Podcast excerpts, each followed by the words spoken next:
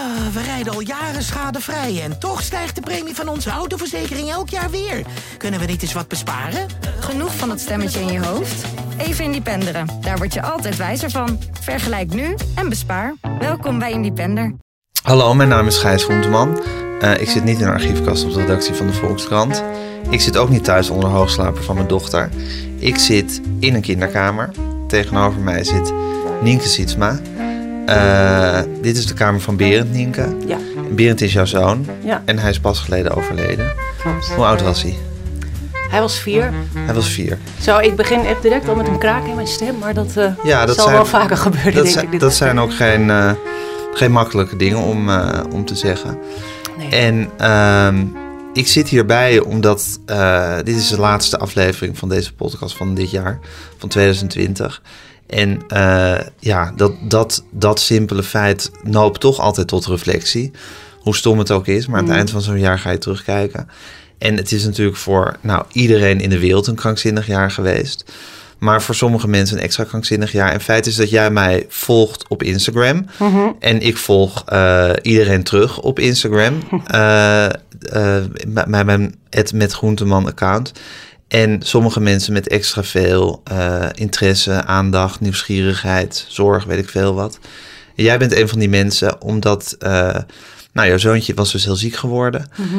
En uh, jij hebt zijn, zijn ziekte en uiteindelijk zijn overlijden heel intiem en intens gedeeld met ons, jouw volgers. Mm-hmm. Waardoor wij een een inkijkje hebben gekregen in het leven van jou en van Berend en van je gezin, ja. van je man en van je dochter. En uh, ja, dat is, dat is natuurlijk uh, raar, want ik ken je helemaal niet. Ik, ontmoet, ik heb je nu net voor het eerst ontmoet en tegelijkertijd uh, heb ik het gevoel dat ik je wel ken. En het leek mij een moment, uh, deze laatste, om elkaar dan echt te ontmoeten. En niet alleen via Instagram te delen uh, mm-hmm. hoe het is, maar je ook wat daarover wat te mogen vragen. En ik vind het heel lief dat je, je mij wilde ontvangen.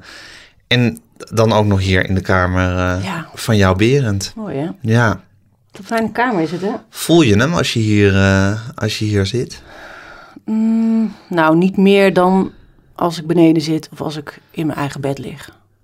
Nee. Maar dat is grappig dat je dat zegt, want dat is inderdaad een ja, voel ik hem. Ja, natuurlijk. Hij is de hele tijd overal aanwezig. Ja. In alle dingen en elke stap die je zet. Um, ja, en op sommige plekken meer dan andere. Maar Ja. dit is natuurlijk zijn kamertje. Dus hier word je... Ja, dit zijn gewoon Ja. zijn, zijn favoriete dingen. Dus dat is natuurlijk het makkelijkst. Maar er is eigenlijk geen moment van de dag dat hij je verlaat. Nee, Nee. eigenlijk... eh, nee, geen emo- Ja, nee. Nee. Nou ik, nou, ik heb voor het eerst nu... Het is natuurlijk nog maar twee maanden geleden. Het is morgen precies twee maanden geleden dat hij overleed. Het is nu Ja, het is 27. 27. Hij is 28 oktober. Is eh, hij overleden? de ochtend overleden. Ehm, dat ik deze week was ik met mijn vriendin een nacht in een hotel. Dat ik voor het eerst heb gehad dat ik even eruit was. Dat ik even gewoon, ik was met haar aan het wandelen. En dat ik even gewoon, dat we het even hadden over werk of over iets anders. Ja, En dat, i- was ook wel even fijn. ja. Ja, want het, het, Ja. Het, het drukt natuurlijk zwaar op je ook. Dat, eh, Ja, goed, het, dat het is, dat is, verdriet is, ja. echt... eh, nou, ik heb natuurlijk heel veel aantekeningen gemaakt. Ik ben zelf freelance journalist van beroep. En ik schrijf eigenlijk gewoon mijn hele leven al. Ik, ik, ik, ik, zeg het erg, ik schrijf het ergens op als het lijkt wel een soort jas die op je drukt. Het, het weegt echt heel zwaar. Je gaat, je gaat letterlijk krom lopen. We waren echt een beetje gekrompen zo. ging echt zo. We hadden allebei kregen we last van onze rug. Ja, Nou, dat hebben we nog nooit eerder gehad. Maar je bent, de, ja, je bent echt overmand ja. door verdriet. Hoe, Ja. hoe, hoe, hoe, hoe begon je jaar? Ja, het begon echt heel goed. Ik eh, had er echt ontzettend veel zin in. Ik dacht, eh, Robert, mijn man, die is eh, ook zelfstandig, die had heel hard gewerkt. Hij had ehm, ook nog in de kerstvakantie volgens mij gewerkt. Hij, hij maakte een boek, volgens mij, over Joop Zoetemelk. Het zal hier ergens liggen. Ehm, en we hadden afgesproken, nou, dan doe jij wat rustiger aan. Ik ga nu weer meer werken. En ik, ik had gewoon echt heel veel zin in. Ik zou 40 worden. Eh, ik, ik, ik had een leuk feest eh, bedacht voor alleen mij en mijn vriendinnen. Eh, ik, had, ik had allemaal leuke klussen aangenomen. Ik had, was ook echt fors aan het pitchen, zoals wij dat moeten doen als freelance journalisten. Ja, je was vol energie. Ja, ik had, en ik dacht ook van, ik heb wel eens de, wat, wat, wat somberheid in de, in de winter. Ik dacht, die ga ik ook tackelen. Dus ik dacht, ik ga gewoon veel werken. Ja, En eh, nou, dat, ging, dat was ook echt zo. Dat soort dingen neem ik me ook elk jaar voor in de ja, winter. nou ja, precies. Om de winterzomer te verslaan. Ja, maar nu dacht ik echt ga naar buiten en uh, nou weet ik veel, vitamine D moet je Ja. nemen. En, uh, En wat er is aan licht, ging je pakken. Ja, en toen, ehm, dus echt die week voordat Berend ziek werd, toen was de eerste lockdown-afzegging. Want ik zou Edgar Queret interviewen voor eh, mijn rubriek Een Trouw, die inmiddels is opgeheven. Eh, ik eh, interviewde eh, samen met iemand anders mensen over hun dromen. Ja, en ik was daar enorm, ehm, ja, kijk daar enorm naar uit, omdat ik hem ontzettend leuk vind. Ja. Hij is een Israëlische schrijver. Ja, Eh, Stef Bos eh, ging ik interviewen, ook voor de rubriek. Ik was bezig met een. Ja, ik was met een, ik werk mee aan een maatschappijleer, lesboek. Nou, gewoon al die dingen. Gewoon Ja. al die dingen die ik. Eh, ook nog die plannen die ik in mijn hoofd had. Die, daarvan dacht ik, die ga ik nu echt doen dit jaar. ja. Kom op, niet zo. eh, ja. Dus daar had ik heel veel zin in. En toen, ehm, ja, toen, toen eh, gebeurde het ergste wat je kan. Ja, dat, dat was ook totaal onverwacht. Het was. eh, Hoe gebeurde dat? Ehm, nou, die, die, die, die week van die lockdown. Ik weet nog dat donderdag op een donderdag 12, de 12e maart was die persconferentie. Toen zou ik precies om drie uur Stef Bos interviewen en die nam heel het niet op. En die zat natuurlijk ook naar die persconferentie te luisteren. Dus die eh, had ik een soort van eh, vloekend aan de telefoon, want hij moest even leeglopen dat zijn tournee was afgezegd. Nou, toen drong wel door, oh, het is wel echt, eh, dit is wel een vreemd iets. Of nou ja, dit is iets wat we niet kennen. Het gaat, weet je wel, het wordt nu wel serieus. En die zondags ehm, ben ik met de kinderen, of maandag ben ik met de kinderen naar een duinmeer. Toen was dus die lockdown, dus ze, mijn dochter hoefde niet naar school. Dus wij gingen naar een duinmeertje hier verderop. Ik woon dus eh, vlakbij het Kennemerduingebied, In waar ik heel graag kom. Ja. En ook heel veel met Berend en, en, mijn- en mijn dochter ben geweest. En eh, we liepen daarheen en ehm, eh, ik ga altijd op de fiets. En om een of andere reden was ik nu met de auto en we parkeerden daar. En dan moet je een stukje lopen en daar zaten we nog te luisteren van, eh, hoor je de specht wel? Kijk, daar is de specht. We alle drie luisteren. En toen zat ik, eh, eh, gingen we naar huis en terwijl we dus terugliepen, zei Berend, oh, ik ben zo moe. Ik ben zo moe me. Hij kon eigenlijk niet verder lopen. En hij zakte echt door zijn knieën. En toen, eh, ja, ik schrok natuurlijk heel erg. Ik bedoel, een kind van 3,5, die zijn super energiek. Mijn dochter, die springt al, die, die was, weet je wel, ze, waren ook springlevend. En ineens zakt hij door zijn knietjes. Nou, toen was ik al heel bezorgd. Maar ik dacht nog van, nou, misschien, weet je, 3,5, dat zijn van die kwakkelleeftijden. Het was winter geweest. je- Het kan alles vaak zijn. moe. Ja. Ehm, en toen, eh, de volgende dag ging ook nog wel. En toen bracht ik hem naar bed. En toen voelde ik een bobbel in zijn buik. En eh, toen zei hij de volgende ochtend... eh, en toen, toen dacht ik wel van, nu is het echt heel serieus. Moet ik nu direct de ambulance bellen? Moet ik de huisarts bellen? Maar toen dacht ik, hij heeft geen koorts. Dus toen dacht ik, nou ja, misschien is... Ik heb zelf last van mijn darmen. Misschien heeft hij iets met zijn darmen, dacht ik. Dus we gaan morgenochtend direct naar de huisarts. Ja, en die zei wel van je moet nu echt naar het ziekenhuis gaan. Ja, en, en dat was dus iets van 18 maart of zo. En toen eh, was mijn auto stuk. Dus ik kon niet naar het ziekenhuis komen. En ik zie mezelf nog hier in paniek. ehm, met Berend, die echt inmiddels verging van de pijn. In die, in die kapotte auto zat hij. En dat ik hier in paniek voor de, bij de buren voor de deur stond van... eh, kan ik je auto lenen? En eh, nou, de buurman die bracht ons toen naar het ziekenhuis. Ja, en daar was ook een lockdown. Dus er was helemaal niemand. Dus dat was, het was ook direct een sfeer van heel onheilspellend en eh, Ja. gewoon heel naargeestig Dus eigenlijk. eigenlijk het, het, het, het absurdisme waar het hele land op dat Ja. moment in gedompeld werd. eh, plus de absurde situatie van Ja, een, je kind wat ineens door zoiets getroffen wordt. Dat viel helemaal eh, samen bij jou. ja, Ja. ja. En dat ik ook echt dat, dat klassieke verhaal van een verpleegkundige die dan geen wc meer kon kopen, dat hoorde ik ook echt op de gang, want er was niemand. Dus je Ja. hoort die verpleegkundige ook praten. Dat iemand inderdaad zei van ja, ik kon aan mijn diensten geen boodschappen meer doen. En Ja. dat ik ja, ondertussen natuurlijk alleen maar naar Berend keek van, eh, mijn god, wat is er aan de hand? Ja, en dat je dan met zo'n bed door de lege gangen gaat naar een eh echo-ruimte. Ja, en dat, dat soort dingen vergeet je ook echt nooit meer. Omdat ik Fries spreek tegen mijn kinderen, heb ik altijd gek genoeg bereik ik het ijs daarmee. Want de echoscopiste, of hoe heet het, ja, die zei van, eh, oh, wat is dit voor taal? Ja, toen zei ik, dat is Fries. Nou ja, dan maken mensen dan soms een grapje of ze proberen na te doen. Ja. Dat, vergeet, ja, dat soort dingen vergeet je dus niet. Nee. En toen eh, wisten we natuurlijk nog wel niets. Maar toen eh, zei de kinderarts wel van je man moet maar komen. Ja, en toen zeiden ze, we hebben ons gezwel gezien. Nou ja, gezwel, denk je gezwel. Wat zou de, ik, ik was echt nog heel naïef. Ik dacht, nou ja. Ja, nee, dat weet je echt niet van tevoren wat dat, hoe erg dat dus is. En, toen- ja. en toen zeiden ze van, je, moet, je, wordt de vol, je wordt morgenochtend in het Prinses Maxima Centrum verwacht. Nou, daar had ik nog nooit van gehoord. Echt nog nooit. Ik heb het ook niet opgezocht, want ik was alleen maar Berend met, eh, met Berend bezig. Maar wij haalden de ochtend al niet. Hij had zoveel pijn dat we s'nachts weer door diezelfde buurman echt in een... Ja, om twee uur s'nachts zijn we daarheen gereden. In de mist. Het was een beetje mistig. Ja, dat beeld dat staat ook op mijn netvlies. Hoe, ja, gewoon zo'n zo, zo'n lege snelweg. En eh, ja, er was niemand. Natuurlijk. En dan kom je daar midden in de nacht aan. En ik wist eigenlijk nog steeds niets. En de volgende ochtend gingen we met bed en al over de gangen. En toen zag ik kale kinderen. En toen... Ja, dat, dat kwam echt als een schok, joh. Ik heb, ja, dat is echt... Want eigenlijk eh, verzet je geest zich misschien bijna tegen dat idee. Mhm. Want in, in, een, in een volstrekt rationele staat zou je misschien toch, de- had je de conclusie, had, had het kwartje kunnen vallen bij je. Maar Mhm. misschien dat er iets in je is wat zich dan verzet. En pas als je in die feitelijke situatie zit en om je heen ziet wat, Ja. wat, wat de andere kinderen getroffen heeft, waar je dan tussen bent, dan komt ineens het, eh, het besef, Ja, het diepe besef. Kijk, en mijn broer had, terwijl ik nog in het ziekenhuis in Haarlem zat, al die had natuurlijk alles al opgezocht. Tuurlijk. Dus die, maar dat, zo zit ik niet in elkaar. Ik kan niet. Nou, of jij zit niet in elkaar in zo'n situatie. Nee, dat zou ook kunnen, maar ik heb, dat is wel ook, eigenlijk heeft zich dat zo voortgezet in het hele proces. Dus wij zijn, daar zijn we ook achter gekomen. Ik en, en Robert trouwens ook, we zijn geen control freaks. Dus we gaan, we kijken alleen maar, oké, wat is hier nu aan de hand? Ja, die cijfers ook, je moet het gewoon niet willen weten. Je, wordt, je maakt jezelf gek. Ja. ontwikkel je een soort, misschien niet zo bewust, maar als je zegt van we zijn geen control freaks en die cijfers, je moet het niet willen weten, ontwikkel je bijna een soort manier van omgaan met de situatie waar je dan in terechtkomt. ja Inderdaad, ja. of je overal bovenop zit, of dat je het allemaal een beetje laat gaan, of je alles wil weten, of misschien niet. Nou, ik denk dat dat echt karakter is.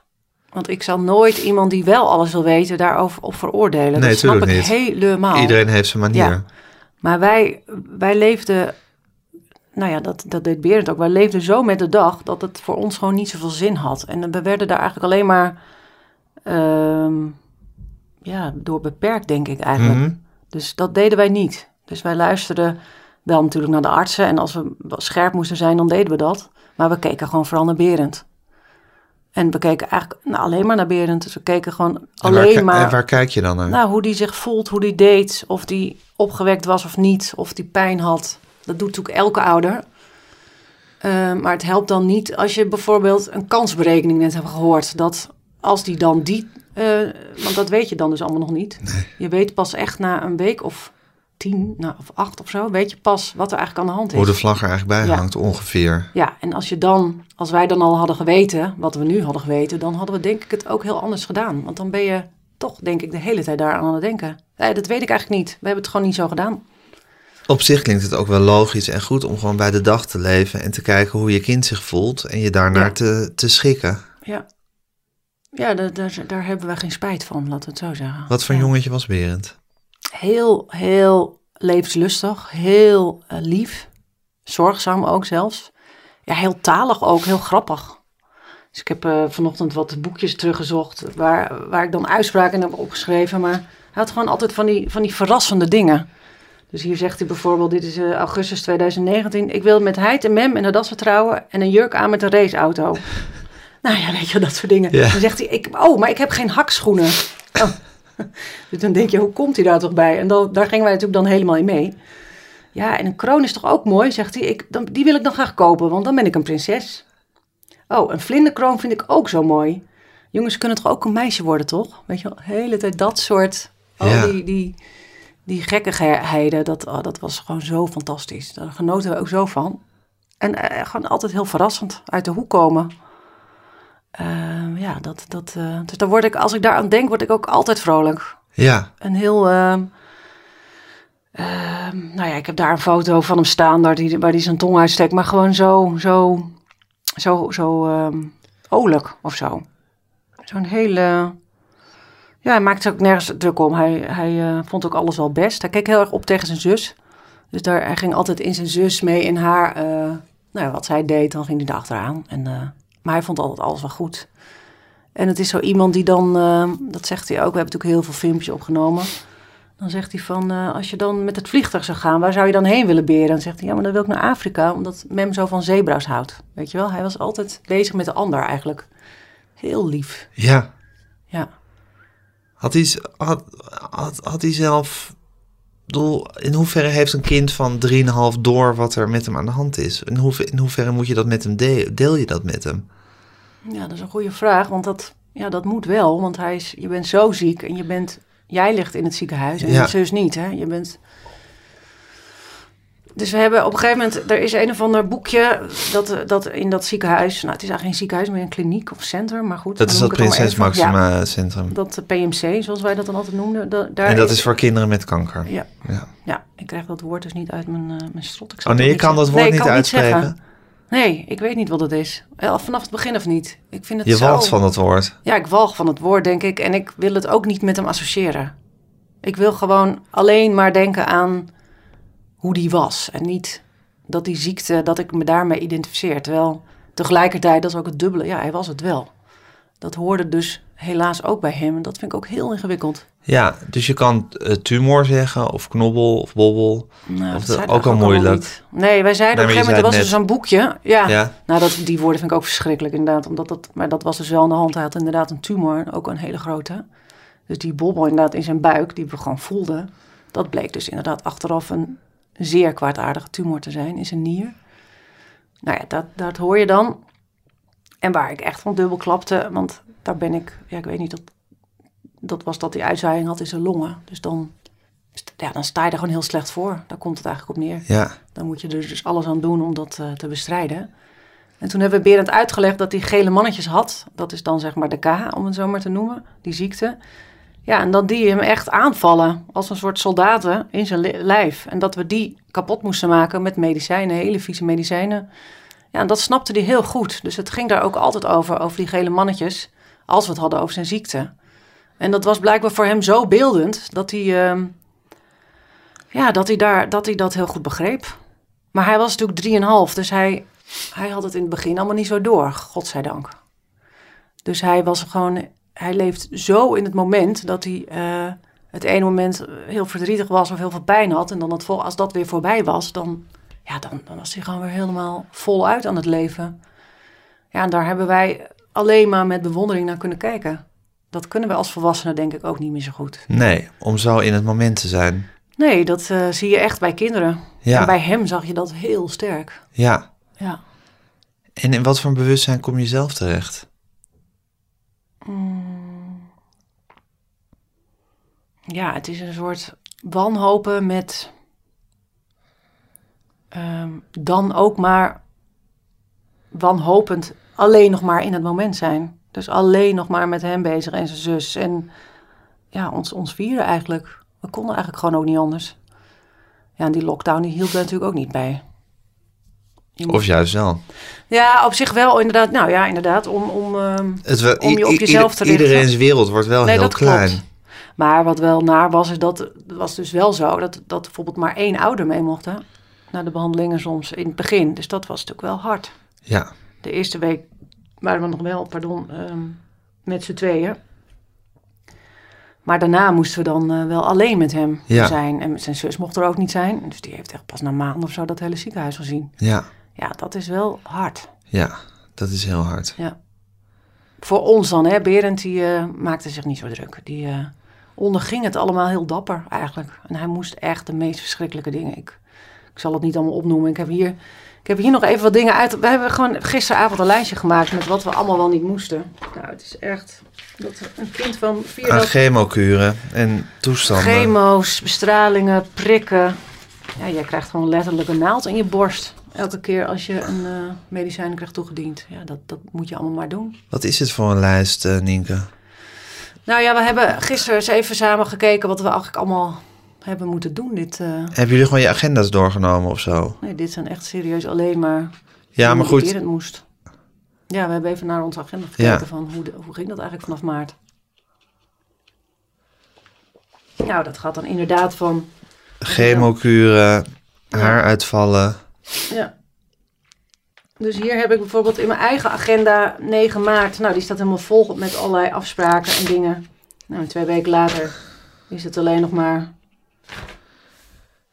Oh nee, dat staat hier nog niet. Ja, dit is eigenlijk dag voor dag een lofboek van eh, zijn ziekte die jullie hier gemaakt hebben. Ja. Nou, nee, dit is gewoon echt even snel zo van, oh ja, wat was er, wat was er toen ook alweer? Hoeveel, hoeveel bestralingen waren het eigenlijk? Je, je, het wordt gewoon één grote brei. Nou ja, en dat voelt ook op een bepaalde manier oneerbiedig, omdat hij dat allemaal moest ondergaan. Ja, en wij ook, maar Ja, dat... ehm, Dus het leek dus ook misschien alsof ik heel veel deelde, maar je deelt natuurlijk gewoon 90% niet. Wat ook logisch is, je kan hier mensen echt niet mee lastigvallen. Je blijft er maar lekker ver van, zou ik zeggen. Ja. wat een bombardement aan medicijnen die er op zo'n ki- op zo'n kind wordt eh, losgelaten. Ja. Ja, dus wat de meest standaard behandeling is, is dat, dat je zes weken een chemo krijgt. En dan wordt die tumor pas verwijderd. Ja, En daarna kunnen ze pas zien wat het voor type is. Nou, als je dan een soort van geluk hebt, ben je, is het de, de redelijk, ja, of dan is het degene die goed te behandelen is. Dat is 75%. Dat, da- daar is de overlevingskans ook groot. Ja, als je echt pech hebt, dan eh, zit je in de 25% die eh, zeldzaam zijn. En als je dan nog extra pech hebt, zit je in de 5% die gewoon weinig kans maken. En wij bleken die 5% te vallen. Dus we hebben de eerste, dus de chemo had ook niet gewerkt, de eerste zes weken. Eh, sterker nog, hij was alleen maar gegroeid. Ja, heeft daar gewoon heel veel pijn aan gehad. Letterlijk, gewoon Ja. verscheurende. Ja, dat, dat is gewoon, denk ik, het moeilijkste van dit jaar. Om dat te zien bij je kind. om je is- kind pijn te zien hebben. Ja, dat is, dat is echt onverdraaglijk. Het is echt onverdraaglijk. Ja, en dat is wel gebeurd. En daarna kregen we de ene, de andere slechte uitslag. Het was alleen maar, ja, dit lijkt toch ook niet aan te slaan. Dus ja, wij zijn, eh, we hebben, we zijn wanhopig geweest. Ja, zeker. En hoe, eh, hoe voelt eh, wanhoop?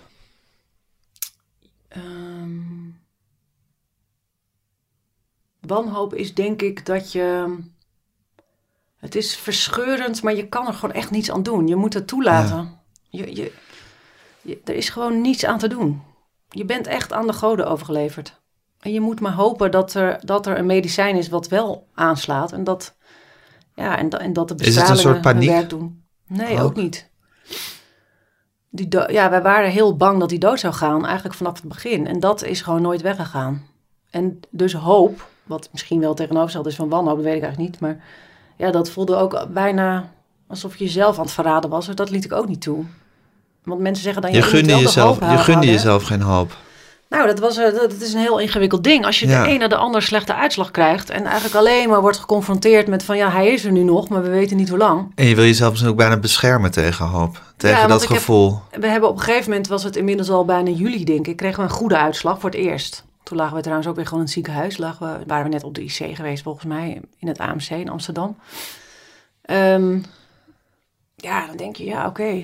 Maar ja, ik moet eerst maar zien of hij echt beter wordt. Ja, Wat moet ik hiermee? ja, Maar goed, het was echt goed nieuws, want de, er was eindelijk een behandeling die was aangeslagen. Dus, het, dus, dus de, de K werd minder in zijn Ja. lijf. Maar ja, inmiddels waren zijn longen al zo vaak bestraald dat hij dus een soort ehm, chronische longontsteking ontwikkelde. En daar, daar is uiteindelijk ook aan overleden. Dus hij, eh, zijn longen, die konden, zo zie ik dat tenminste, die konden het gewoon niet meer opbrengen. Om genoeg zuurstof naar binnen te krijgen. Ja, dat is echt eh, hartverscheurend. Ja. Jezus, wat een onderwerp, Gijs. Maar Nienke, dat is eigenlijk, ik vind het wel interessant dat je jezelf eigenlijk eh, beschermt tegen die hoop. Dus Ja. dat je, je, je zou kunnen zeggen van hoop is het enige wat je overeind houdt. Maar hoop kan natuurlijk dan kan ook gevaarlijk zijn, omdat het je ook weer ja. eh, in een extra teleurstelling kan eh, Ja, storten. dat. Dus je, je, je doet dan zelfbescherming. En ik, het heeft ook echt een beetje als verraad inderdaad achteraf gevoeld. Want ik heb dus mij één periode in september, toen ging het echt best wel goed met Berend. We hebben ook echt een hele leuke tijd gehad. Hij werd vier. We zaten in de tuin. We hadden mensen die ik ken van Twitter hadden een taart gemaakt voor hem. Echt een hele mooie taart. Eentje met een raceauto en eh, volgens mij een Fries pompenblad. En echt gewoon heel erg op ons ge- toegepast. En ja, we zaten in de tuin. We zijn in Apeldoorn in een wikkelhu- wikkelhuisje geweest. En hebben nog... eh, weet ik veel, eh, blaadjes gezocht. Gewoon hele leuke dingen. Ja. Ehm, en toen dacht ik, toen begon ik heel lichtjes te fantaseren over dat hij dan naar school zou gaan. En dat we dan misschien in januari, dat we dan misschien nog heel moe zouden zijn, maar dat we dan misschien wel, als ik dan 41 zou worden, dat we dan misschien weer een beetje zoetjes aan de school konden gaan. Dat dan het leven van een vierjarige Ja, misschien gewoon gewoon geleid zou kunnen ja, worden. Dat hij misschien weer zijn krullen terug zou krijgen. Want hij had dus hele mooie, prachtige blonde krullen. Ja. Ehm, dus je moet de hele tijd. Maar je zei het voelde ook als verraad.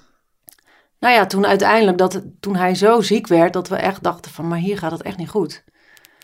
Ja, toen dacht ik wel van, ehm, jeetje, dat ik dat heb gedacht. Ja, dat voelde inderdaad als verraad. Ik heb het toch maar weer gedacht, dat hij misschien beter zou worden. Wat, heb, wat, wat what was I thinking, weet je wel zo. Ja. Wat was ik dan naïef, dacht ik. Wat, wat heb ik nou mezelf, heb ik mezelf nou zo voor de gek gehouden? Ja. Maar ja, dat is toch ook de hang naar het leven. Ja, je wil gewoon leven. Hij wilde ook leven. Ja, ja dat is, dat, dat is het, dat is het frappante natuurlijk aan. Dat het aan de ene kant inderdaad eh, het enige gevoel is wat, eh, wat je als mens sowieso op de been houdt. Dat je toch het, Ja. het positieve en het goede nog kan zien Ja, eh, in de chaos waar we nou eenmaal allemaal in zitten. Altijd, in het hele leven. ja, En dat dat tegelijkertijd dus blijkbaar ook, als je dus in zo'n situatie zit waarin je kind zo voor het blok staat, dat het ook inderdaad bijna eh, alsof je niet loyaal aan hem bent geweest. Ja. Alsof, je, ja, ja, alsof je iets verkeerds hebt gedacht door te hopen. Ja, Ja, tragisch. ja, Ja. En eh, je, dus, je liet het gevoel van hoop niet echt toe, maar liet je de concrete gedachte aan zijn dood eh, vaak toe. Nou, die drongen zich eigenlijk bij mij op. Dus helemaal aan het begin ehm drong dat heel erg bij mij, zich heel erg bij mij op. Omdat als we Berend naar de kinderopvang brachten, dat is hier, eh, er is hier een dorpje dat heet Zandpoort. Daar zat Berend eh, in het bos. Heel mooi bos had hij, eh, daar was een kinderopvang. Maar dan fietsten we altijd langs de twee begraafplaatsen. Die zijn hier aan het eind van de straat. En dan Ja. zei Berend altijd van, dit is toch een graafplaats? Ja, zei ik. Nou, wat is daar dan? Ja, ik zei, daar liggen dode mensen begraven. Nou, dan vroeg hij daarnaar en dan legde, probeerde ik dat uit te leggen. En dat gesprek hebben we echt begin van het jaar nog gehad. En toen Berend ziek werd, dacht ik, oh god, dan moeten we hem natuurlijk daar, dan moeten we hem daar neerleggen. Dan Ja. moeten we daarheen. Ja. Oh, wat erg. Want dat Ja. is gewoon, het is daar ook zo, eh er is een heel mooi Fries woord voor, suterig. Het is daar zo scharrig. Doet me altijd een beetje scharrig aandaan. dacht ik, oh mijn god, het zal toch niet zo zijn dat we het, alsof het, alsof het zelf hebben, omdat ik open was tegen Berend over die begrafenis, alsof het dan moet of zo. Nou ja, iets, weet je wel, iets, een soort Ja. mindfuck van, oh god, nou, nou moet ik dat eens doen of zo. Ja, maar je kreeg dus ook veel last van een soort magisch denken. Dat als je jezelf hoop Ja. had toegestaan... of als je met hem over Ja. een begraafplaats had gepraat... ja, dat je dacht dat je het bijna aan het, ja. aan het bepalen was, eh, zijn lot. Precies. Ja. En toen, eh, dat hebben we helemaal weer losgelaten. Dat, je gaat dan gewoon vol uitleven, juist. Alleen aan het einde, en daar is die later, ja, hij is, hij is toen ook overleden die week. Toen, toen dacht ik van, hé, maar zijn we, wel, zijn we er wel helemaal bij? Is, er- is een soort, je bent daar zo, je, hij was al zo ziek, maar je bent daar zo, ehm, ja, hoe moet ik het nou zeggen? Ehm, je zit er zo diep in dat je misschien soms niet meer ziet wat er gebeurt of zo. En ineens, ik ging er ook over dromen. Ik droomde over een crematie of over begraven. Ik weet niet, ik werd wakker en dacht, ik moet daar iets mee. En ik heb toen ook heel veel gehuild die week. Ik zat er ook mentaal doorheen trouwens, twee weken voor zijn overlijden. Ik, ja, we hadden zoveel stress gehad met IC-opnames. En ik heb Berend aan de beademing gezien. Dat vond ik echt, echt heel moeilijk. Dat ziet er echt heel naar uit. En ik was er eigenlijk nog maar nauwelijks van komen. En toen werd hij eigenlijk nog zieker. En ineens werd ik een soort van wakker. Dacht ik van, gaat dit eigenlijk wel de goede kant op? Terwijl we waren bezig om gewoon die soort van longontsteking te bestrijden. En dan Ja. zou die eigenlijk er wel weer bovenop komen. En de volgende kuur stond al gepland. Ja, Ja, en toen heb ik ook echt met Robert, we hebben echt uren over gepraat van... ehm, ja, wat moeten we hier nou mee als ouders? Zijn we nog wel... ja, want het is dus Ja. eigenlijk zo dat je in een soort rare eh, soort tussensituatie belandt. Dat je aan de ene kant, je kind heeft een acute ziekte die heel gevaarlijk is. Ja, En aan de ene kant sta je jezelf dus niet de gedachte toe dat het allemaal weer beter wordt. En aan de andere kant sta je je ook niet de gedachte toe dat het tot zijn einde kan leiden. Nou, ook weer niet. Want we waren daar namelijk wel de hele tijd speelde dat op de achtergrond. Ik Dat, dat snap ik, want dat is, Ja. dat is natuurlijk gewoon je diepe angst en paniek. Maar dat is niet een besef wat je ten volle... Nou, weet ik niet. Nee, dat zijn dus blijkbaar twee verschillende dingen. In je achterhoofd zit steeds... We weten niet of die hier uitkomt. Dat weten we dus niet. Maar dan is er nog weer een soort echt heel erg actief idee van... Misschien is hij nu aan het doodgaan. Ja, Ja, dat... Nou, dat, dat verlaat je ook nooit, dat gevoel. Nee, en toen dat er eenmaal was, toen, nou ja, toen ging het ineens ook snel met Beren. Toen werd hij, en, en hij was nog steeds altijd zijn vrolijke zelf en, en rechtop in bed zitten en grapjes maken en zelfs zingen. Hij ging Sinterklaasliedjes altijd te zingen. Toen was het dus eh, half oktober. Nou, dat, dat, dat, dat sloeg zo aan. Dat is ook zo fantastisch dat zoveel mensen hebben meegeleefd. Dat wij dus een filmpje kregen van Sinterklaas. Nou, dat heeft hem zo, zo goed gedaan Ja, dat de verpleegkundigen ook even zijn schoen hadden gezet. Het was half oktober. Ja, dat, dat, dat, dat, dat is zo ontroerend, omdat het zo erg voorberend is. En dat gun je hem zo erg. Nou, dat, dat was fantastisch. Dus hij zat nog te zingen in zijn bed. En, en toch bekroop ons een heel... Ja, er was een soort dieper bewustzijn van... Maar wacht eens even. Er, ergens zegt je intuïtie, intuïtie van... Ja, maar dit, dit, dit gaat de verkeerde kant op. En dat werd steeds sterker bij mij. Ehm, maar ja, ik zat er tegelijkertijd ook doorheen. Dus ik was heel veel aan het huilen en eh, ik was heel, eh, heel moe en uitgeput. En ik kreeg steeds meer weerstand om naar dat ziekenhuis te gaan. Ja, terwijl je wil elke moment bij je kind zijn. Maar ik kon die verscheurdheid van daar zijn, maar hier is mijn dochter, die vond ik steeds moeilijker. Ehm, nou ja, en echt de laatste dag zelfs, dus de, de middag voordat hij overleed, hij is ochtends overleden. Toen heb ik letterlijk tegen de artsen gezegd, we hadden een gesprek met de oncologen. Ja, denken jullie eigenlijk wel dat hij hier uitkomt? Hij is nu zo ziek, hij ligt weer aan de hij moet bijna weer aan de bademing, hij ligt weer nog steeds aan het zuurstof. En zij zei, ja, nee, dat denken we echt. Wij denken echt dat dit een hobbel is die we moeten nemen. En ik dacht, ik was zo in de war. Ik dacht, hé, maar het klopt niet. jij zag het eigenlijk helemaal niet meer. Nee, ik kon niet meer, ik kon niet meer helder denken. En ik dacht alleen Nou, maar of je van, kon juist wel heel helder nou ja, denken. je, je intuïtie neemt de overhand of zo. En misschien zijn we ook gewoon, eh, die, ja, we zijn ook een soort dieren. We hebben toch instincten of zo. Want Berend, ik heb een beetje aan Berend gemerkt dat hij dat ook had. En dat hoor je heel vaak, hè, dat kinderen, ja, net als, weet ik veel, honden en katten, die gaan kruipen weg. Ik Ja. had het idee dat hij daar ook een beetje mee bezig was. Wat merkte maar- je aan hem? Hij heeft bijvoorbeeld zijn eh, vader de kamer uitgestuurd. Hij zei tegen Robert van, eh, ga jij maar naar huis, heet hij. En eh, dat voelt een beetje alsof hij eh, anders niet kon sterven. Sorry. En ja, het is natuurlijk onbegrijpelijk. Nou, het was on- bijna geruststellend voor, eh, voor Robert. Ik bedoel, hij, Nou, hij, het was zo overtuigend, want dat, terwijl de, ja, dat, dat, en Robert die had zo lang op de IC met hem gezeten, die was heel tijd heen en weer gegaan met hem naar de gewone afdeling en toen moest hij toch weer naar de IC, dus die was ook moe. En omdat dat zo overtuigend zei en we luisterden naar hem, we namen hem serieus, dacht ik van nou, dan ga ik even naar huis. Ik blijf, jij, ik, ik Mem, zeg maar, blijf bij jou en dan zien we wel weer verder. Dus Robert is naar huis gegaan en ehm, ja, die nacht ging het gewoon achteruit. En eh, ja, dat zie je dan natuurlijk toch ook weer niet aankomen. Dus dan is een dood toch weer onverwacht. Dat is zo dubbel er steeds aan. Je bent er dus continu in het volste besef dat, een kind, dat, je kind, dat je je kind kunt verliezen. Maar op het moment dat het dan het gebeuren is, dan denk je, mijn god, dit gebeurt echt. Nou, dat, dat kan ik niet. Wat ik heb gezien en hoe dat voelde, dat is... ehm, ja, dat is... ehm, dat is het allerergste. Het is het allerergste, maar er zat ook iets moois in. Dat is het, dat is het gekke weer. Omdat ik tijdens, de, tijdens zijn sterven... Berend, ik weet niet of ik dat nu zo moet zeggen, maar Berend is... eh, het is niet zo dat hij vredig in mijn arm is gestorven, zeg maar.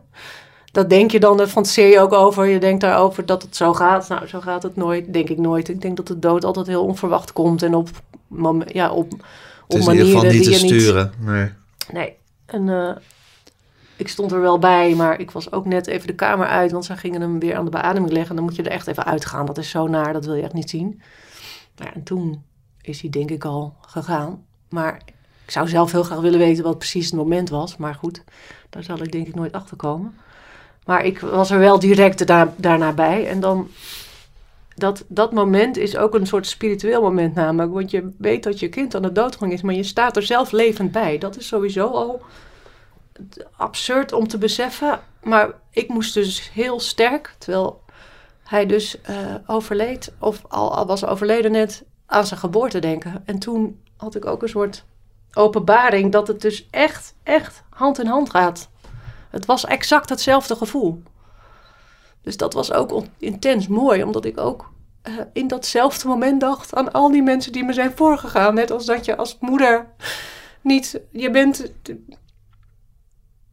als Jan bevallen bent, dan zijn zoveel vrouwen jou voorgegaan. Je bent gewoon niet de enige. En ik besefte ten volste dat ik nu ook niet de enige was. En gek genoeg kon ik dat allemaal terwijl mijn kind daar lag. Ja, dat is.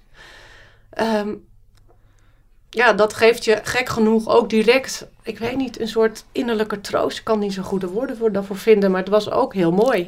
Omdat je heel erg beseft ook dat dit is wat het leven is. Ja, het gaat echt hand in hand. Het is echt, het hoort echt bij elkaar. Alleen, ja, natuurlijk daarna neemt de ratio de overhand en denk je, ja, maar dit had niet mogen gebeuren. Ja, en ik mis hem. En uh, moet je kijken hoe mooi die is. Ja. Ik heb dat ook alleen maar tegen die arts gezegd, van kijk nou hoe mooi die is, kijk nou hoe mooi die is. Dus hij werd in mijn armen gelegd. En um, het voelde gewoon als exact hetzelfde als toen hij in mijn armen werd gelegd toen hij was geboren. En dat vond ik zo ontzettend mooi. En daar ben ik zo dankbaar voor dat ik met hem daar alleen heb gezeten. Dat is als moeder het mooiste wat je kan overkomen, denk ik. Terwijl ik dat zeg over mijn overleden kind. Ja, dat is ongelooflijk, hè?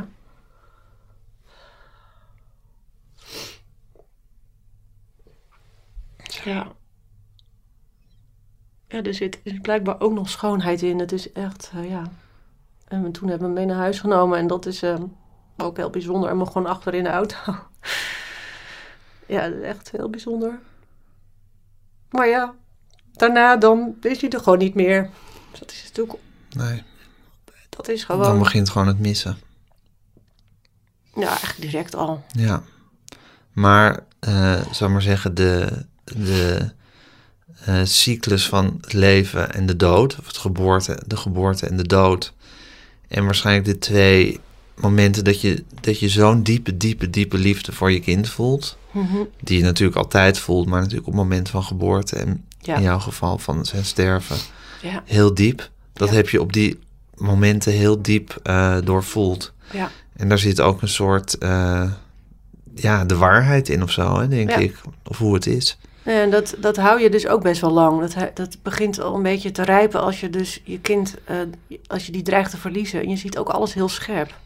Je bent ook Ja, je wordt natuurlijk in een opperste staat van paraatheid, kom je. ook, maar je bent ook alsof je in een andere werkelijkheid bent, waardoor je, ja, alle ruis valt natuurlijk de hele tijd weg. Hè? Dus je bent ook op het allerpuurste zelf of zo. Ja, ik kan niet zo goed uitleggen, maar dat heb ik ook wel gemerkt. En dat is in, in die eerste fase van rouw, of rouw, dat, misschien ben je dan nog niet, maar in de eerste fase van verlies ook. Dus je bent zelf ook in een soort bovennatuurlijke kracht. Dat heb ik echt wel ervaren.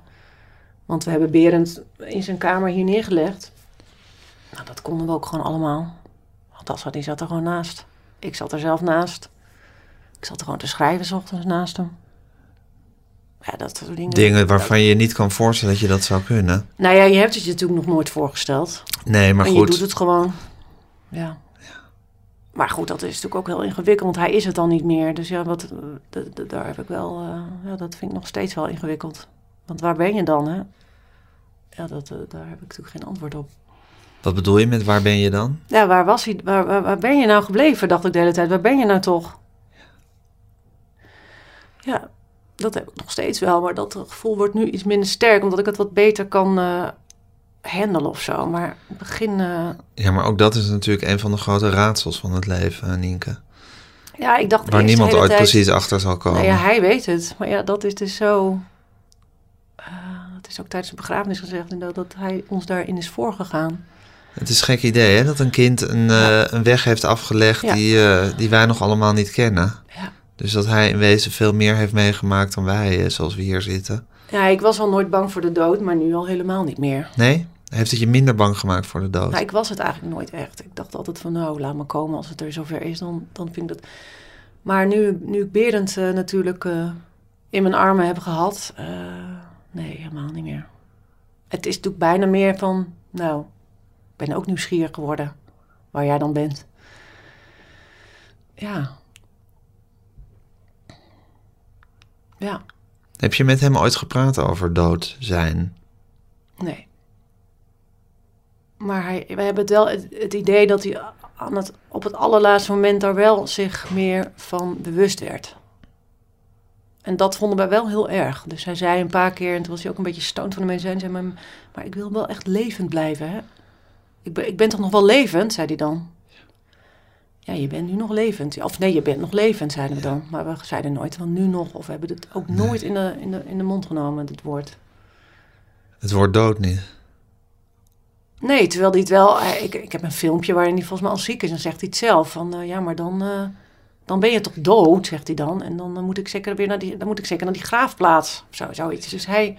Maar ja, je weet ook als kind... Ik weet niet. Weten kinderen het instinctief? Ik weet het niet. Ik denk het niet. Ik denk dat kinderen alleen maar bezig zijn met leven. Ik denk dat iedereen alleen maar bezig is met leven. Maar dat er toch ook...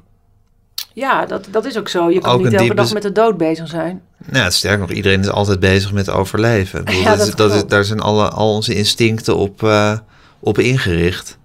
Nee, dat is zeker waar. Alleen ik heb, denk ik, daar heb ik natuurlijk over na zitten denken, omdat jij mij vroeg eh, voor dit interview van hoe kan het nou eigenlijk dat wij altijd zo makkelijk met de dood ge- omgingen überhaupt? Tenminste, dat gevoel heb ik. Maar dat komt dus omdat ik al zo als, al op vroege leeftijd daar al me- mee in aanraking kwam. En niet in mijn directe familie, niet in mijn gezin.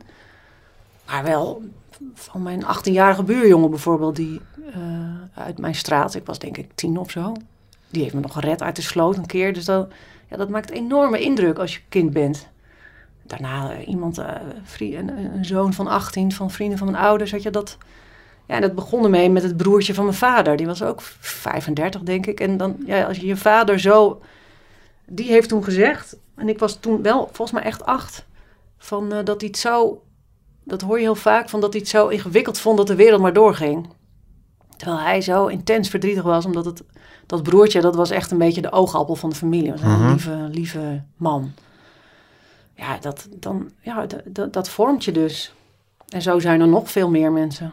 Neven, twee neven die Jan allebei heten, die zijn verongelukt. Ja, het is... Ja, dus je had veel, eh, je had al de nodige eh, doden in je, in je leven al jong meegemaakt. Ja. En toch eh, jaagde de dood je geen angst aan. Of Nee. joeg de dood je geen angst aan. Nee. En nog steeds niet. nee. Ben je boos geweest? Ehm, ja, ik ben heel erg boos geweest op, op wat die ziekte kapot maakt. Die ziekte, die, daar kan die ziekte niks aan doen. Ja, hoe moet je dat nou... Alsof het een soort zelfstandig ding is. Mhm. Maar ehm, ik was echt... Daar ben ik wel af en toe heb ik... Dus op een gegeven moment had ik, heb ik een fiets gekregen van iemand van Twitter... die ik ken al, die mij al tien jaar volgt. En ik heb echt... Woedend ben ik tegen die duinen ingetrapt. Want dat is best wel... Als je hier zeg maar van de Haarlem naar Den Haag ben ik gefietst.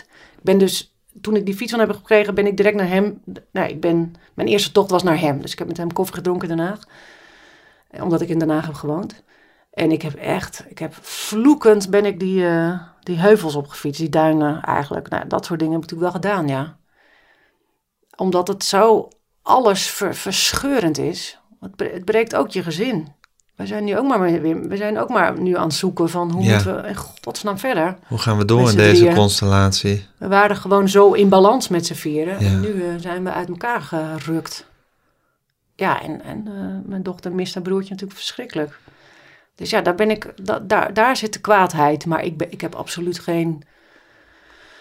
Ja, ik heb geen wrok tegenover artsen of dat soort dingen. Of dat ik vind dat we... Dat, Dat jullie iets is tekort gedaan is. Nee, Nee. Of dat, dat, Maar je eh, bent gewoon kwaad op het lot Ja, dat jullie getroffen heeft. nou, niet eens, niet, nog, nog niet eens zozeer dat het mij is getroffen. Nee, maar dat, dat het bestaat. Dat het Berend heeft aangedaan. En Berend. Ja. Ja, dat hij, dat hij zo heeft moeten lijden. Dat is echt.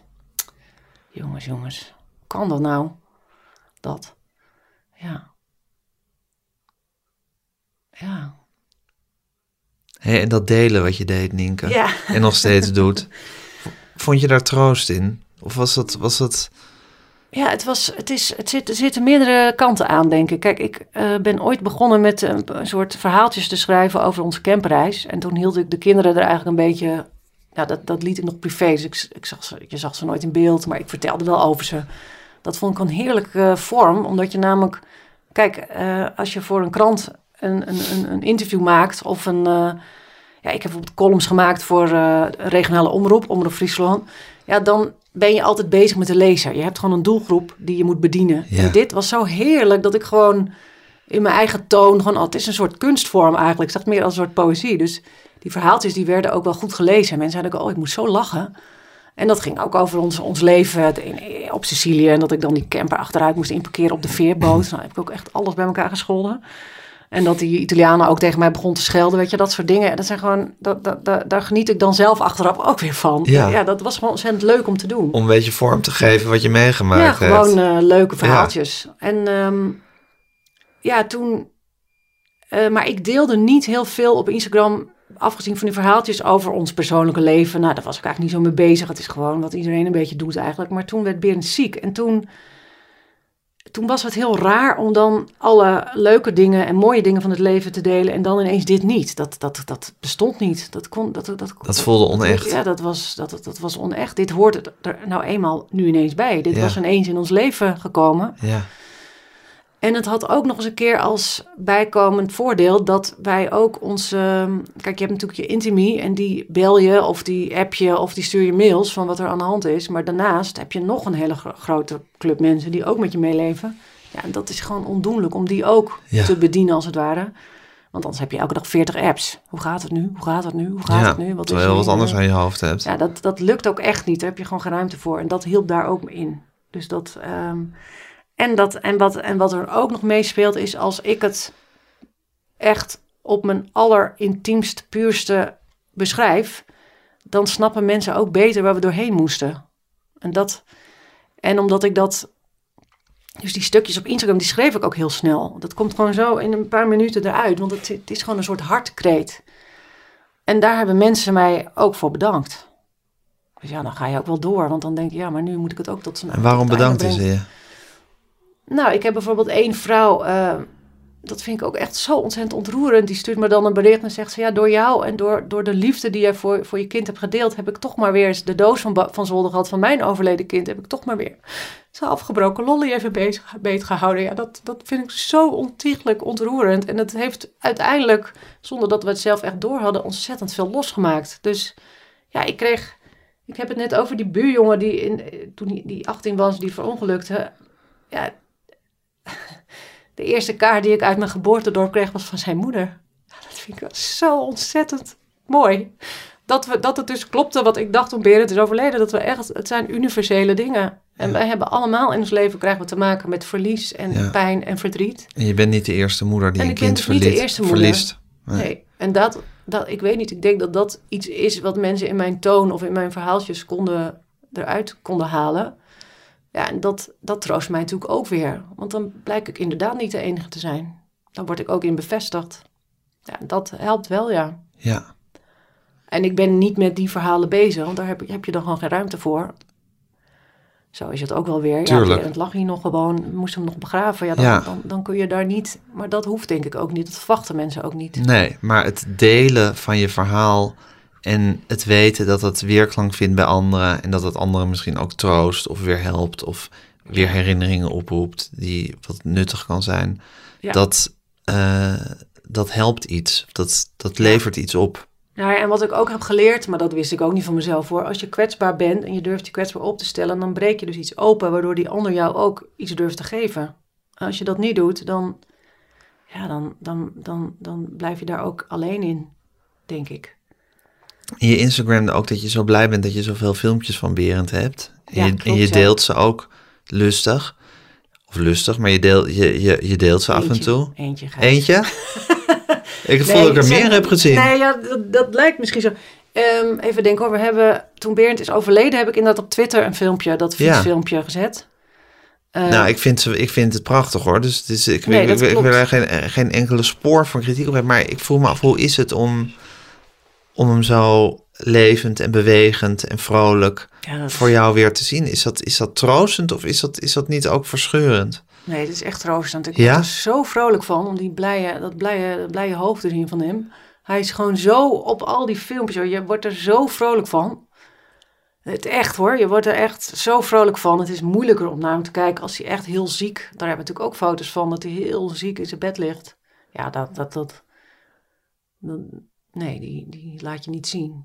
Maar dat fietsfilmpje, ja, dat was nou echt precies hoe die ook eigenlijk Ja, is. maar dat is voor jou ook niet, niet, Nee, het is alleen- afgrijzelijk om naar te kijken. Nee, helemaal niet. Nee, helemaal niet. Het is alleen natuurlijk wel heel spannend om dat aan de wereld te delen. Ja, dat is natuurlijk wel... Daar heeft hij niet om gevraagd. Dus dat is wel ergens, denk je, oeh, daar, zit, daar schuurt het wel. Ja, Want we hebben het ook altijd... tegelijkertijd zal, nie, zal niemand in de wereld dezelfde steek in zijn hart voelen Nee, dat klopt. om hem weer levend en blakend te zien als, als jullie dat voelen. Nee, dat is waar. Ja. Maar ik vind het toch fijn als mensen zeggen, ach, wat Ja. een mooi kind. Ja, dat wil ik ook, dat iedereen dat weet. Ja. Dat is dus, volgens mij, vertel het aan de bomen. Volgens mij is daar zo'n eh, zo'n gedicht. Ik weet even niet van wie dat is. Is dat niet van Hans Andreas of zoiets? Nou, Zou kunnen, weet ik niet. Eh, ja, dat wil je dan ook. Je wil echt aan de hele wereld uitschreeuwen dat je kind dan wel, eh, eh, dat hij er niet meer is. Maar dat hij zo fantastisch mooi was. En dat het zo'n leuk kind was. Dat is ook echt zo, zo moeilijk aan die ziekte. Dat, het, dat, dat, het je zo, dat vind ik ook zo erg voor kinderen die nu nog ziek zijn. Dat het je zo, zo van, je, van je identiteit berooft. Je ziet natuurlijk toch echt een ziek iemand. Ja, terwijl je, terwijl je in wezen een levendig en intens Ja, bent- kind je bent. hebt- Je hebt, gewoon allemaal die karakters. En die, ja, hoe komen die er nog uit als je maar de hele tijd vast ligt in je bed? Want hij lag echt vast vier weken omdat hij in een zuurstofslang zat. Ja, dat vond ik echt heel erg voor hem. Maar gelukkig, ja, het, eh, hij, hij was gewoon ook te jong om dat te beseffen, denk ik. Hij leefde echt heel erg in het moment. Daar, is hij, daar, daar bewonderden wij hem ook om. En dat hebben wij echt van hem geleerd. We keken ook echt met bewondering naar hem. Van hoe... eh, Ja, als het goed gaat, gaat het goed. En Ja. als het slecht gaat, gaat het slecht. ja. En dat is hoe het op dat moment is. Ja, hij pot ook niks op. Nee. Ja, en dat delen, dat voelt nu soms inderdaad een beetje, ja, moet, moet je nou wel doen? Ik had het met kerst ineens, liep het ineens het verdriet, ja, dat komt dan zo onverwacht ineens. Dus het ging eigenlijk wel goed. We dachten, nou, die kerst, ja, pff, het is ook maar gewoon een opgesmukte dag. Wat maakt het nou uit, weet je? Het gemis is er toch altijd wel. Ja, en dan toch re- reden we naar huis. We waren bij oma geweest, we reden naar huis en ineens overvalt je het allebei. Dus dan rijden En wat we overviel je? nou, we reden zo door, langs Schiphol en het was heel donker. En eh, ja, het was zo'n heel melancholisch gevoel van je gaat nu naar huis en dan, ehm, dan is hij er gewoon echt niet. En ik had hem nog zoveel mooie dingen willen laten zien. Er zijn zoveel mooie dingen, ook in het leven, die zo, ja, die, die schoonheid, weet je wel. De, nu was het gewoon de tunnel waar we doorheen reden, die lamp, die lichtjes waar we zo doorheen Ja. gingen. Dat ik, dat ik dat soort dingen altijd aan hem liet zien. Kijk, Berend, ja, dat overvalt je dan zo. En dan, ja, dan, dan, over, dan, dan als het of het over je aan alle kanten eruit gutst. Ja, dan voel ik soms een behoefte om even te delen. Maar ik hou me enorm in hoor. Ik ben echt. Maar ik wil je helemaal niet bekritiseren Nee, dat om doe je delen. niet. Absoluut niet. En ik vind het, ik vind het ook... Nee, maar het is ook, ja, het is toch ook weer niet helemaal ehm vrijblijvend wil ik niet zeggen, maar ja, je, je maakt iemand, je maakt jezelf ook daarin ook kwetsbaar. Terwijl ik dan zo stoer doe dat ik dat allemaal niet erg vind, dat ik geen taboes ken of zo, dat ik kwetsbaar, ik vind het niet erg om me kwetsbaar op te stellen. Maar kijk, je moet ook niet hebben dat hij een soort. eh, Maar ik vind het ook prachtig dat je het doet. Ja. Ik bedoel, het, heeft, het, het, het is, het is ook in mijn leven ook een verhaal geweest het afgelopen jaar. Ik bedoel, niet, eh, ik bedoel als, als, als, als soort wat erbij is, zou ik maar zeggen. Ja. Jullie leven met Berend en hoe dat, hoe dat ging en eh, weet ik veel wat. Ja, maar omdat je daar dus niet mee bezig bent, eigenlijk hoe het landt, dan is, vind ik dat toch verrassend dat je dat zegt. Maar ook heel mooi. Ja. En ehm, ik vind eh, eerlijk gezegd met dit soort dingen dat alles, alles gelegitimeerd is wat, je, wat jullie houvast geeft. Als, als, het, als het jou houvast geeft om het te delen en om daar reacties op te krijgen en om te voelen dat mensen er iets aan hebben of weet ik veel wat. Dan is dat, ja, niks is niet geoorloofd toch om, om, om dit verdriet eh, te Nee, kunnen dat- doorstaan. Dat is, ook wel zo. dat is ook wel zo. En het is nu nu, ook, nu eenmaal ook nu onderdeel van mijn leven geworden. Ja, Ja, dat is ook zo. ja. Ja. Maar het, ja, Ik denk wel, kijk, dat bij elke... Ik denk niet dat we daarin bijzonder zijn, laat ik het zo zeggen. Wij hebben natuurlijk, hier staat eh, een mand vol met kaarten die van allerlei mensen, tekeningen, nou ja, noem het allemaal op. Eh, die, die- vogel die je daar ziet van iemand van Twitter, dat The Sweetest Little Song ja. van eh, Leonard Cohen. Ik weet het niet eens meer, dat, is, dat stond op Berendse geboortekaart. Raketjes, omdat hij daar al zo over hield. Mensen hebben zoveel mooie dingen gestuurd. Ehm, ik weet niet of wij daarin nu. Ja, dat, ik denk dat. Ja, nou ja, nee, wat ik eigenlijk wil zeggen, dat ik dat gewoon fantastisch heb gevonden. Dat, dat zoveel vreemde mensen zo lief zijn en zo. Ja, Nou, ook behulpzaam. Hè? Iedereen heeft maar weer van, alle, heeft van alles voor ons gedaan. Ik, echt, ik kan niet. De lijst is eindeloos. Echt van taarten bakken tot. Ja, die auto van ons was kapot. Dus de buurman die ging mijn auto laten repareren. Die bracht ons maar weer naar het ziekenhuis. Ja, gewoon. Ach jongens, ik, eh, ja, er, er zijn zoveel dingen gebeurd. Eh, mensen hebben boerenkool naar het ziekenhuis gebracht omdat Berend het lekker vond. Eh, rollen met fruitmentels omdat hij daarvan hield. Mensen waren zo, Jezus, zo een, kind, begaan. een kind dat boerenkool lekker vindt. Vond hij het heerlijk, ja. Oh, wat fantastisch. Ja. ja. En paschetti, zo- zoals hij het noemde. Ja, Ja. Mijn, mijn eigen paschetti. Ja, hij wilde het liefst mijn eten. Dus dat was ook heel dankbaar werk. ja. Dat je dan eh, echt kan handelen, even kan handelen voor, voor, je, voor je eigen kind. Heel fijn om te doen. Ja. Ja. Maar dat, dat maakt je, dat je wordt... eh, dat, dat, dat- verdriet is universeel, maar dat, dat je ook niet alleen bent, dat is gewoon heel fijn. Nou, maar dat is dan toch fantastisch. Ja, ik, ik ben, eh, als we iets hebben geleerd, dan is het wel dat mensen, dat je op de, op de, ja, dat, dat de mens gewoon goed is. Dat, dat je daarop kan vertrouwen. Dat mensen in principe bereid zijn om iets voor een ander te doen, ook al kennen ze die helemaal niet. Dat wist ik eigenlijk al, maar eh, het is me nu wel. Nou ja, het grappige is natuurlijk dat sociale media vooral ook altijd besproken worden als afvoerputje en ja, als plek voor... onzin. Dat vind ik echt niet hoor. Nee, Ik vind het echt niet. Ik vind het zo'n onzin. Dan eh, heb je ze- dat zegt echt iets over diegene. Hm. Want ik heb gewoon alle na- nare mensen die gooien er gewoon uit natuurlijk. Daar hoef je toch niet te zien. Nee. ben je zelf toch niet mee. eh. en van de rest geniet je. En van de rest geniet je. En ik heb Ja. gewoon hele leuke, lieve mensen. Allemaal eh, Ja, heel veel, ook dominees vind ik ook. Die zijn altijd, die zijn eigenlijk altijd heel lief. Dus de, pastor, de pastors om je heen. Dat is toch heerlijk om je daarmee te omringen. Gewoon met lieve mensen. ja. Dat kan iedereen doen. Ik kan het de mensen aanraden om dat te doen. Lieve mensen om je heen. En verzamelen. delen. En delen. Ja. hey, en Berend, voel, je had het idee dat toen, toen het einde naderde voor Berend, dat hij dat voor voelde. Of dat hij, dat er, je zei zoals een poes zich terugtrekt in een hoekje. Ja, ik kan natuurlijk nooit echt weten, want ik kon het niet meer aan hem vragen. Maar dat gevoel had ik wel, ja. Maar het kan ook zo zijn, want ik heb... Is dat, was dat berusting ook? Nee, dat is Nee? niet. Nee, Berend was echt heel levenslustig. Hij is wel echt... Ineens was hij er niet meer. Dus het was voor ons allemaal ook totaal onverwacht ergens. Dus dat is weer die dubbelheid. Je bent heel erg ziek. Hij voelde zich ook echt heel erg ziek. Vooral die laatste nacht. Ik lag nog echt naast hem in bed. Ik heb hem nog voorgelezen uit zelfs. Nou, dat, dat, dat, daar luisterde je een beetje half naar. Dus hij was wel... Maar ja, dat, dat, daar heb ik ook moeite mee hoor. Met, met was, ik, was ik er toen wel helemaal bij dan? Weet je wel, nou, dat is gewoon je moeder, je moederschap. Je wil alles voor je kind natuurlijk doen. Mhm. En het enige wat je niet kan doen, is dat ik precies weet hoe het nu is Ja. met hem. Of, en ik kan daar niks aan doen. Ik kan het niet, ik kan het niet tegenhouden. En daarom is die dood ook zo, zo hard. Het is zo'n harde scheidslijn. Het is echt... Ja, je moet... Dat is natuurlijk het ul- ultieme loslaten.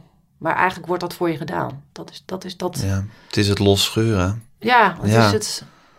Was het maar loslaten, want dan kon je het ook niet doen. Ja, Terwijl maar dan je- zou je het nooit hebben gedaan. Nee, daarom. Nee, dus het kan ook niet anders. Alleen dat hij dat alleen moest doen, ja, daar heb ik. eh, ja.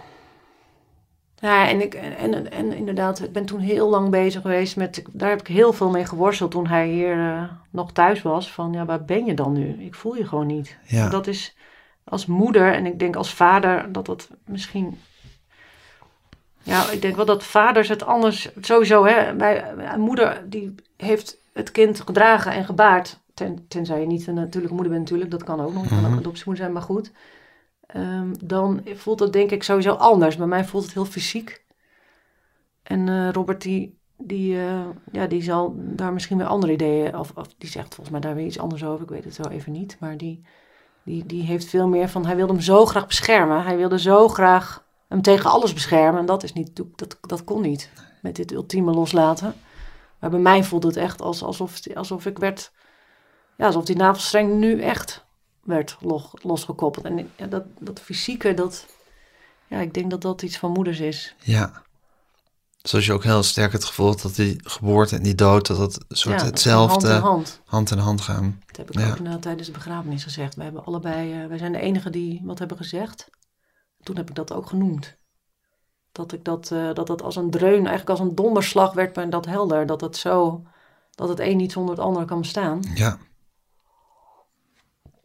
Ja, alleen, ja, waar, waar ben je dan nu? Ja, dat, dat, dat, Ja. Ik hoop daar ooit eh, rust in te krijgen, maar dat, ja, wist ik het maar. Geloof je, de- heb je het idee dat hij ergens is?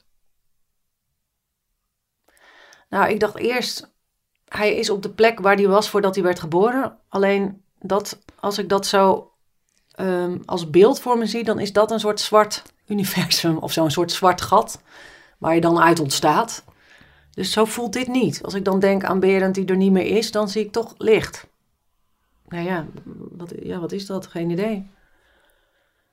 En ehm, ja, wat, ik- wat ik daar zo mooi aan vind, is dat... ehm, Kijk, het heeft ook heel veel losgemaakt, maar heel veel oude vrienden hebben zich ook weer gemeld. dus bijvoorbeeld mijn vroegere goede vriendin van de middelbare school, die, die zegt dan van, ik stuur hem licht en liefde of zo. Of mijn ex-vriend zegt dat ook, van ik stuur, ik stuur jou Berend en jou ook, stuur ik licht en liefde. En dat, ja, zo voelt het eigenlijk ook. Alsof die wordt omringd door licht en liefde. Maar ja, wat dat is, ja, dat weet ik niet. Nee.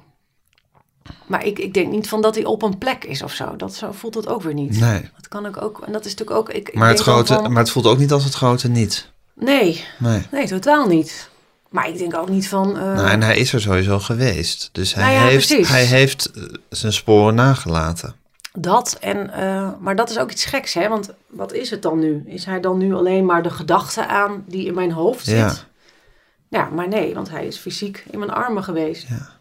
Dat, dat vind ik ook. Ja, dat, daar, daar, daar, het is natuurlijk te kort geleden. Ik moet daar nog gewoon. Dat is mijn, Ja. mijn weg nu.